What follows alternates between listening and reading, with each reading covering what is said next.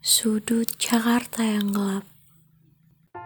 Aku pergi ke sudut Jakarta yang lebih gelap, di mana banyak orang berselimutkan asap jalan dan topeng-topeng berwajah masam. Mau tidak mau, aku menyudutkan benak pada cengkrama atau tawa meledak-ledak anak pinggiran yang tidak tahu apa-apa tentang merosotnya perekonomian tahun ini.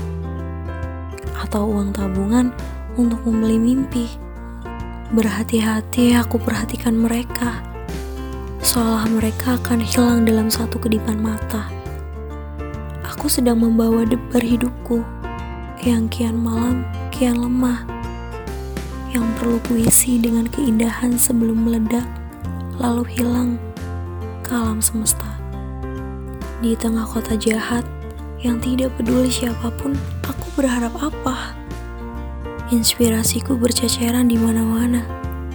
Sedikit-sedikit dan saru dengan latar belakang. Aku harus cepatnya tiba sebelum jantungku mati.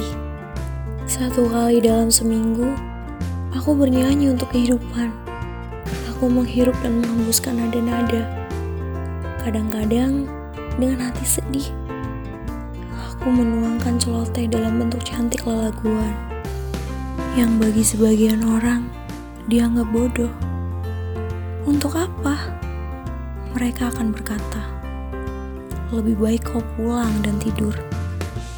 Sebagian lainnya tersentuh di ulu hati, lalu semakin menjadi-jadi dalam rupa-rupa berbeda pada diri setiap mereka. Pekerjaan hidup ini menguras waktu dan energi. Sejak awal mula, aku sudah tahu akan sangat melelahkan. Tapi, bukankah lelah adalah adat kehidupan? Beberapa saat lagi, matahari terbenam. Sebelum malam tiba, mari kita minum air kehidupan. Lingsir yang meredam-redam kerokot sakit di tengah-tengah jantung perasaan.